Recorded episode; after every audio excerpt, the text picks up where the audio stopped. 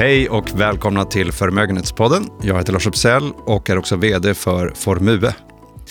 Idag är det den 13 mars och jag sitter här med Mikael Levin, chefstrateg på Formue. Hej hej! Hej! Du, eh, jag tänkte vi skulle börja med att blicka tillbaka till eh, förra podden och lite grann mm. vad vi hade för tema då. Ja, det var ju efter den här, ja vad ska man säga, mycket behagliga januari så uttryckte vi en viss åsikt om att man kanske inte skulle bli så girig i och med att året hade startat så starkt på marknaderna. Och eh, återigen, det var ju inte så att vi hade någon, någon karta på framtiden men eh, februari blev ju lite mer utmanande än januari om man säger så. Ja, onekligen. Och mm. eh, nu har det blivit lite stökigt. Ja, jo, det går ju fort i hockey brukar det sägas. Och det är en sån här ja, välanvänd klyscha. Men jag, jag, skulle vilja hävda att det går minst lika fort, om inte fortare eller snabbare på, på marknaderna. Och de senaste dagarna här med start i, i eh, torsdags kväll eller torsdags natt eh, har ju gått eh, vansinnigt fort. Och det, det, det är en hel del skulle jag vilja säga som har ställts på huvudet. Ja, och vad var det som hände? Ja, det är ju den här eh, banken nu som vi alla har fått lära oss heter Silicon Valley Bank. Eh, som väl utanför USA var tämligen okänd. Liksom. Eh, det är en ganska stor bank, jag tror de är nummer 17 eller 18 i, i USA. Eh, som finns i San Francisco och eh, är väldigt inriktad på att låna ut pengar då till tech techindustrin, Silicon Valley. Då. Eh, och eh, deras affärsmodell har väl ställts lite på, på, på ända här under, under en period i och med att de är väldigt beroende av inlåning. Eh, som de sen då lånar ut till, till techbolag och VC-firmor, alltså venture capital och, och, private equity och allt vad det är. Eh, och vi vet ju alla att räntorna har stigit ganska kraftigt i och med att styrräntorna har höjts upp.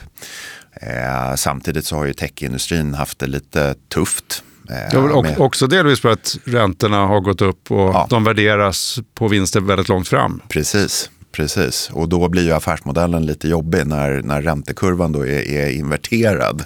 Att den korta änden är högre än den långa. Eh, och det där, som vanligt tänkte jag säga, allting går ju tills det inte går. Och det var ju uppenbart att någon, någonstans där i slutet på förra veckan så, så gick det inte så bra. Och det blev ju ja, fear eller rädsla helt enkelt kommer in. Eh, för det är ju inte så att bara för den banken stänger ner så, så stänger världen ner. Men eh, den här psykologiska aspekten med då det som kallas bankruns, att, att folk liksom springer till banken och ska ta ut sina pengar. Eh, och det får liksom ringeffekter i resten av systemet. Och, och eh, ja, det är ju väldigt svårt liksom att, att se någonting positivt i det. Eh, och någonstans där så har det väl varit ja, en frenetisk aktivitet i USA då från myndigheternas sida, både centralbanken och, och SEC då, som är eh, Securities Exchange Commission, eh, motsvarande liksom Finansinspektionen. Eh, och nu ser det väl ut som att eh, det temporärt har, har liksom stabiliserat situationen. Men eh, återigen, eh, en sån här liksom boll i rullning, den är väldigt, väldigt svår att, att fundera på. Dels vilken riktning den tar, men framförallt hur stor den blir. Ja, och nu fick vi höra idag på morgonen här att det är ytterligare en bank, mm. Signature mm. Bank. Signature Bank är i, i New York och de, de hade också en, en eh, om, om eh, Silicon Valley var väldigt inriktad på tech, eh, techklustret så var Signature motsvarande inriktad på krypto. Och det har ju haft alltså kryptovalutor, kryptoinvesteringar och, och det har ju haft det lite tufft också 2022 och framåt. Och eh, ja, när, man, när man lägger då de flesta äggen i en korg och saker och ting går emot, då, då händer det här. Eh, så att den, den banken blev ju också nedstängd i princip. Ja, och om vi liksom zoomar ut lite mm. och ser lite grann vad, vad som har hänt. För vi pratar här om ett paradigmskifte när det gäller räntepolitik. Va? Ja. Uh, och eh, det får ju konsekvenser. Vi har ju sett på den svenska aktiemarknaden till exempel hur bostadsbolag mm. eh, värderar, eller fastighetsbolag värderas ja. helt annorlunda och har skrivits ner ganska rejält. Ja. Och det är också sådana eh, räknestycken. Du, du, har kostnader i förhållande till investering och sen har du en eh, liksom intäkt ja, i förhållande till... Förväntad kassaström ja. någonstans där i framtiden. Och när de inte går ihop längre så värderas det ner ganska kraftigt. Ja. Och det är väl det som händer egentligen i banksektorn här nu också som vi ser. Ja, eh, eller techsektorn snarare. Att, att de, de, det är ju tillväxtbolag som kanske inte tjänar jättemycket pengar idag men förväntas tjäna en hel del pengar då i framtiden. Eh, och det är klart att när räntan går upp, då får du ju liksom diskontera om de där förväntade kassaflödena. Och de får ju ett annat värde. Och eh, när du sa paradigmskifte, jag tycker det är ett ganska bra ord. För att vi kommer ju i princip från en regim som har rått sedan finanskrisen. Det är inte första gången vi tar upp det i podden och det är förmodligen inte sista gången vi tar upp det heller. Eh, men där har vi ju liksom vant oss vid det här med, med liksom låga räntor. Priset på pengar är lågt eller till och med då i Sveriges fall under en period negativt. Och 2022 och 2023 har ju inneburit en av de kraftigaste ränteuppgångarna någonsin.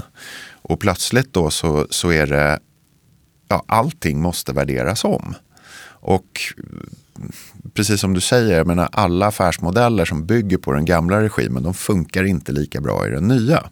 Så eh, på så sätt så, så är det väl kanske inte oväntat att någonting händer när Fed då har höjt räntan alltså på det snabbaste och kraftigaste sättet sen 94. Den förra gången då de överraskade marknaden. Då höjde de 325 punkter på en ganska kort period. Vi är ju mer än så eh, den här gången. Och eh, ja, den här gamla, ytterligare en sån här klyscha på marknaden är ju att Fed höjer tills någonting går sönder. Eh, och nu var det de här bankerna som gick paj.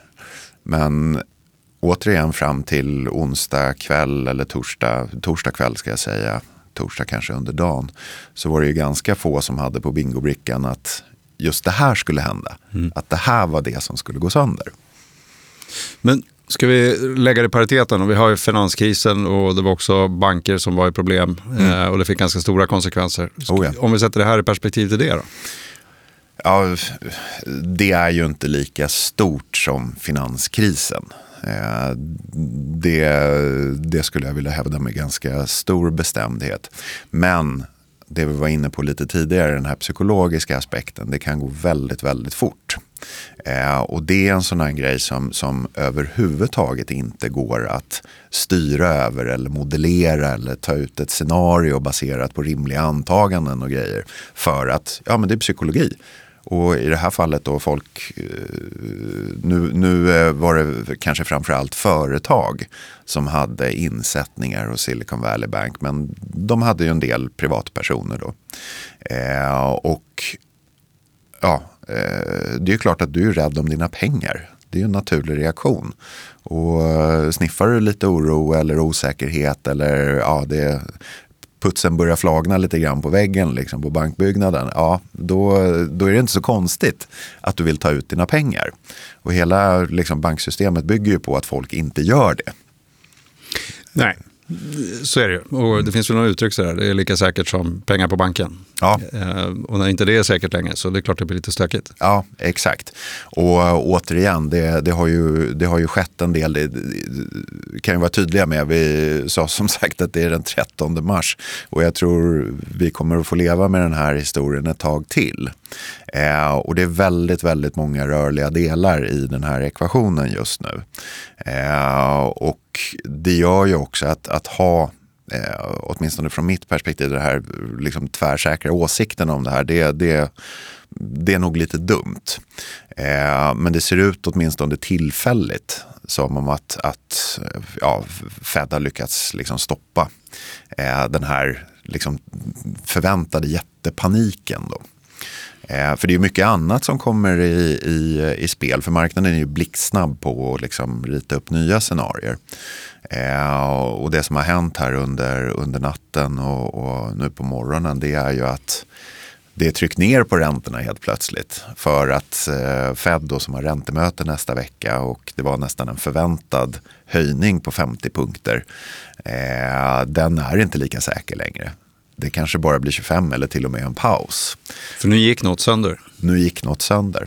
Och det är det här som är lite, lite fascinerande med, eh, med just penningpolitiken. Fed har ju varit väldigt tydliga med att eh, ja, den verkar med, med liksom en viss lag. De använder orden variable lag.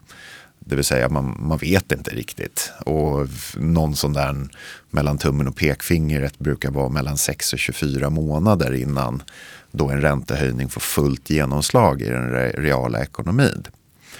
Och sen har väl marknaden lutat lite mer åt kanske att eh, den själv är ganska duktig på att då få igenom penningpolitiken snabbare via prisrörelsen. Det vill säga att, att aktiekurser, räntor och så vidare, att det eh, på, inte ersätter men, men eh, där blir effekterna av penningpolitiken mycket snabbare än då vad Fed anser att ja, det tar ett visst tag. Och det är ju möjligt att, att det här är eh, att Fed hade kanske lite mer rätt. Ja, och det kan ju också vara att vi har ju haft en, ja, sen finanskrisen en ganska kraftig expansion av balansräkningar. Mm. Eh, I Sverige kanske på privatsidan framförallt, ja. men, men internationellt också många, många länder som är högt belånade. Oh ja. mm. Vilket gör ju räntevapnet egentligen mer skarpt. Ja, ja eh, verkligen. Eh, men, men ska vi styra över lite grann så vi hinner med lite annat också. Ja. Bakgrunden till eh, räntehöjningarna är ju inflation. Mm. Eh, och vad har hänt på den fronten? Ja, den är ju lite mer, ehm, eh, jag skulle säga på marginalen lite mer negativ här under starten av 2023. För att det som har hänt egentligen det är att makrotalen, alltså det är allt ifrån tillväxtsiffror, arbetsmarknad, eh, industri, eh, även om den är fortfarande under press. Liksom, men, men man har anat vissa krokar och talen eh, som har kommit in oavsett egentligen om det gäller Europa eller om det gäller Kina, USA. Eh, de har varit bättre än förväntat. Samtidigt då som, som inflationen visserligen fort, fortsätter att gå ner men den går inte ner lika mycket som marknaden hade förväntat. Och framförallt då, att man brukar prata om kärninflation kontra vanlig inflation. Och kärninflation, då, då är liksom siffran rensad för volatila eller svängiga saker som till exempel då matpriser och energipriser. Och den här kärninflationen den har visat sig vara då sticky eller den, den håller kvar eller till och med ökar. Och det har ju liksom varit en liten så här, ja det här skulle ju inte ske. Det låg ju inte i korten, men nu, nu blev det så. Och då har ju förväntningarna på centralbankerna ökat. Att de ska höja mer. Mm. Eller då, eh, och eller ska jag säga, hålla kvar räntorna på höga nivåer längre. Eh, och det där är ju liksom vad ska man säga, eh, både blessing in, dis in disguise kanske, mycket anglicismer här, men det är både bra och dåligt.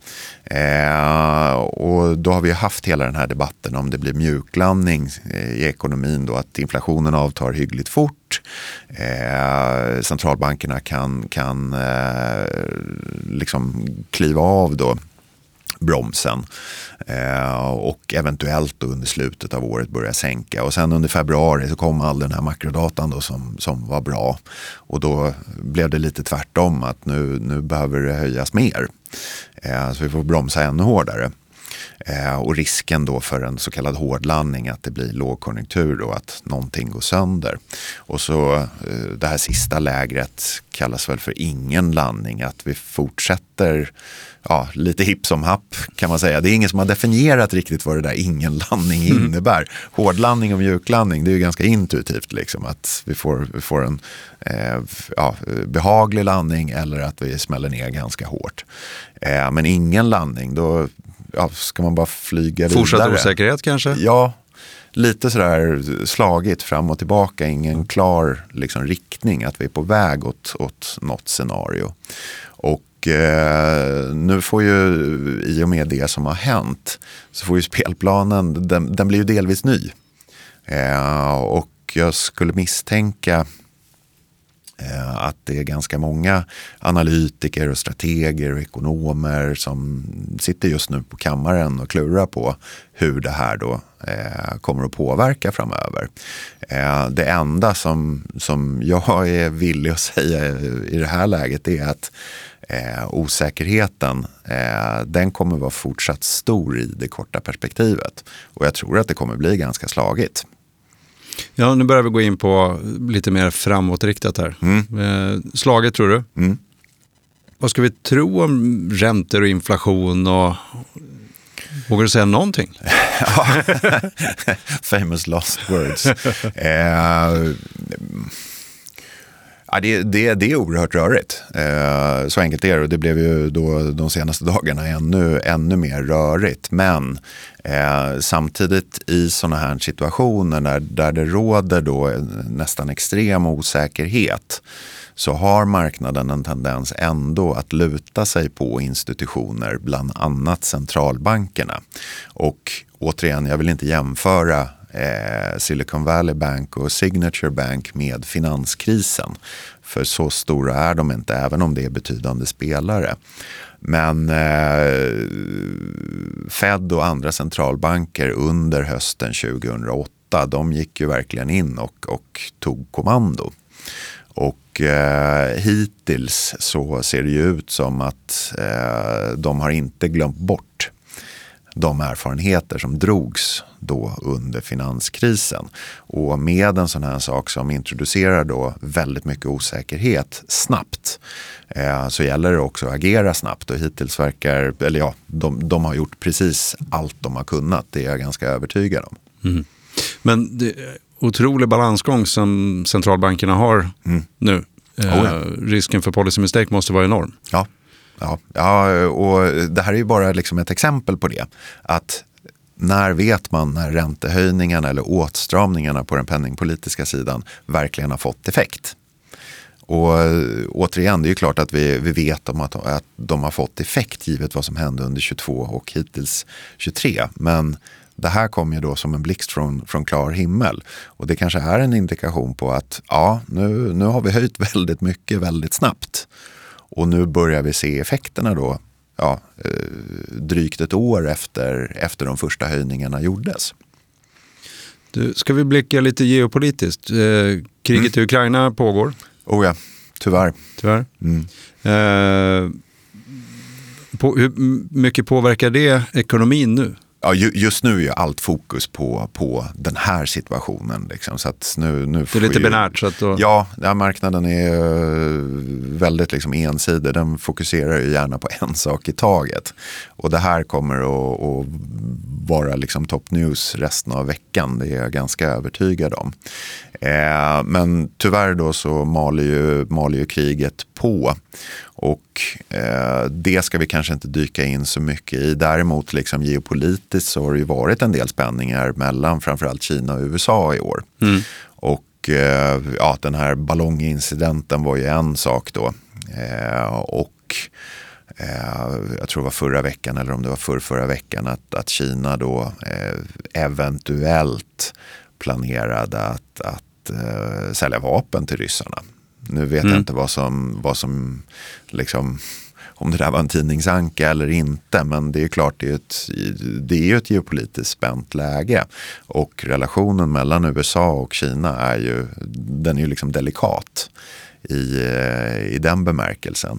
Kina säljer ju en hel del till, till Ryssland så som det är idag. Eh, Rysslands import har gått upp från 20 procent av importen från Kina för något år sedan till nästan 40 procent idag. Eh, och de säljer ju liksom ja, civila grejer, kaninöron som lätt kan konverteras till militära ändamål, bland annat drönare mm. och även chip, eh, enklare typer av chip. Eh, och det är ju klart att USA eh, tycker inte det där är jätteskojigt liksom att, att det sker. Och Kina har ju, eh, jag tror det var utrikesministern förra veckan som var ute och, och eh, var ganska aggressiv i sin, sin, ja, sina tal mot USA. Så att den där ligger ju och skaver lite också, även om återigen, mycket är satt på paus tills eh, den här situationen med de här bankerna i USA liksom får lite mer klarhet. Ja, och nu gick väl Kina var med och medlade här mellan Saudiarabien och Iran. Mm. Eh, tog lite grann USAs roll i ja. Mellanöstern. Ja. Eh, och, ja, det, det, Ett stick i det, sidan. Ja, det är lite, lite rörigt. Och Kina har ju försökt ett antal gånger också och, och pushar då för fredsförhandlingar mellan Ryssland och Ukraina. Mm. Och ta den rollen också. Och det är ju klart att det gör de ju inte eh, för att de ja, är moder till resa utan det här är ju ett, geopolit, det är ett realpolitiskt spel. Mm. Eh, Kina är det nya imperiet som utmanar det gamla USA. Eh, så att den kommer, den, den kommer inte heller försvinna under året. Eh, den här, och jag menar Taiwan har vi ju inte pratat om på, på ett tag men de spänningarna är ju inte borta heller. Nej. Eh, och Taiwan, eh, nu var det ju prat om att presidenten där, att hon skulle åka till USA och träffa bland annat då utrikesministern.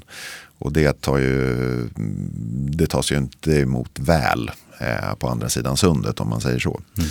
Eh, så att eh, knepig, knepig situation helt enkelt. Värt att hålla lite koll på ja. hur det utvecklas.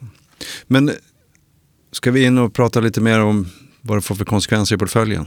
Ja, eh, det, det var ju återigen, februari var inte bra. Eh, det var tungt både för aktier och räntor i och med då att Eh, räntorna steg ganska mycket under månaden, kraftigt faktiskt. Så att obligationer i stort, de gav ju upp stora delar av, av eh, det de hade vunnit under januari. Och även aktiemarknaden tog sig en smäll. Det var väl någonstans mellan 3 och 5 procent beroende på, på marknad. Eh, men totalt är det ju fortfarande så att starten har varit stark på året. Vi ligger ju fortfarande plus då en 5, 6, 7 procent beroende på, på aktiemarknad. Eh, men det, det är ju klart att med nuvarande spelplan nu kom det här då med bankerna, mm. vi återvänder till det hela tiden. Eh, stigande räntor och så vidare. och Så vidare. Så, så det är väl svårt att se liksom några förutsättningar för ett jätterally framöver. Det tror jag man ska vara, liksom ha som grundscenario. Eh, för det är många frågetecken i nuläget. Och det visar ju lite också då den här liksom vikten av att, att kommer tillbaka till den här repiga skivan igen, mm. att hålla en god diversifiering i portföljen för att det, det, det går fort på marknaden. Eh, och rätt vad det är så, så, dyker det upp någonting som ingen hade sett och så förändras spelplanen. Och har du då liksom från början en allokering som, som du kan leva med så att säga, både i goda och dåliga tider, då är väl det en av de bästa vad ska man säga, grundförutsättningarna för din portfölj över tid. För det är väldigt lätt, och det har vi varit inne på tidigare också, att när så mycket händer som det gör nu, att den här driften som vi har att agera, att den tar över. Att det är bättre att göra något än inget. Men det är väldigt, väldigt lätt att, att det blir fel också. Eh, och, det gäller att hålla kvar den där långa placeringshorisonten. Ja, Nej, men framför allt att, att eh, återigen, det gäller ju att, låta lite klyschigt här, men, men eh, att känna sig själv i förhållande till hur man reagerar på risk och osäkerhet. Eh, och det är en process, det är jättesvårt att komma fram till liksom, din finansiella risknivå. Men ju längre du har varit i marknaden desto bättre koll på den har du. Och för att vända tillbaka till det förra podden där med att bli inte girig. Har tvärtom du varit med? Nu. Ja, precis. Tvärtom nu då. Att, att det är lätt efter en, en, en bra period på marknaden att tro då att this time is different. Träden ska växa till himlen och så vidare och så vidare. Vilket gör att går det bra på marknaden och du har ett lite mer sådär, ja, avslappnat sätt till, till hur du ser på risk, då är det lätt att öka på risken. Och tvärtom då, om det går dåligt på marknaden då är det lätt att dra ner risken. Och helt plötsligt då så hamnar du i en situation där du, där du kanske agerar mer på känsla än, än liksom vad du vet är då långsiktigt bäst. Eh, och då ligger ju risken för, för dubbelfel helt enkelt. Så att eh, fokusera väldigt mycket på just din långsiktiga risknivå och sen handlar det om att diversifiera. Sprida riskerna? Ja, det, det, det är väl egentligen den enda ja, gratislunchen där ute. Mm. Eh, sen är ju den lite mager från tid till annan. Liksom. Men, men återigen, det, det är ett av få sätt att ta sig an ja, Eh, just en sån här situation som hände. Det var ingen, för det första, det var ingen som såg att, att den skulle hända. Och sen då när den väl hände så är det väldigt många olika potentiella utfall på bordet. Och i det här läget då med stor osäkerhet. Eh, vågar du ta ett av de där potentiella utfallen? Eller vill du ha då den här kanske lite bredare, tråkigare portföljen eh, som du faktiskt står ut med även när det blåser en hel del? Ja, det med riskspridning, det, vi kan ju ta de här amerikanska bankerna igen. Satsa bara mm. på kryptovaluta eller bara på techbolag. Mm. Det verkar inte vara någon bra scenario. Eller här, nu blev det fel i alla fall. Ja, nu blev det fel. Nej, men det, det går ju tills det inte går. Och vi har väl inga sådana nischbanker i Sverige egentligen som satsar på tech eller krypto i alla fall? Ja, in, ja, jag, jag, ska inte komma med några, några starka åsikter där. Men, men, eh, Inget vi känner till? USA har väl ett lite mer diversifierat bankväsende än vad vi har i Sverige. Ja, och lite större. Så. Ja, exakt. Men du, är det något mer avslutande vi skulle hinna med? Eh, nah, jag, jag, jag, tycker vi har fått med en hel del eh, grejer här idag. Men framför allt så ska det ju bli väldigt, väldigt spännande, om ändå lite med skräckblandad förtjusning kanske, hur den här situationen kommer att utveckla sig.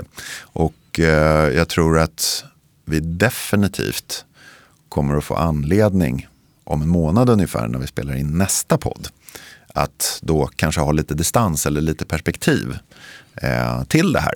Fått lite mer datapunkter? Ja, det kommer vi definitivt att ha. Så att äh, återigen, äh, troligtvis en, en liksom stökig marknadsmiljö här i det korta perspektivet. Äh, och ja, stay diversified. Bra ord. Vi slutar där. Tack Mikael för idag och tack till er lyssnare för att ni har varit med oss. På återhörande längre fram.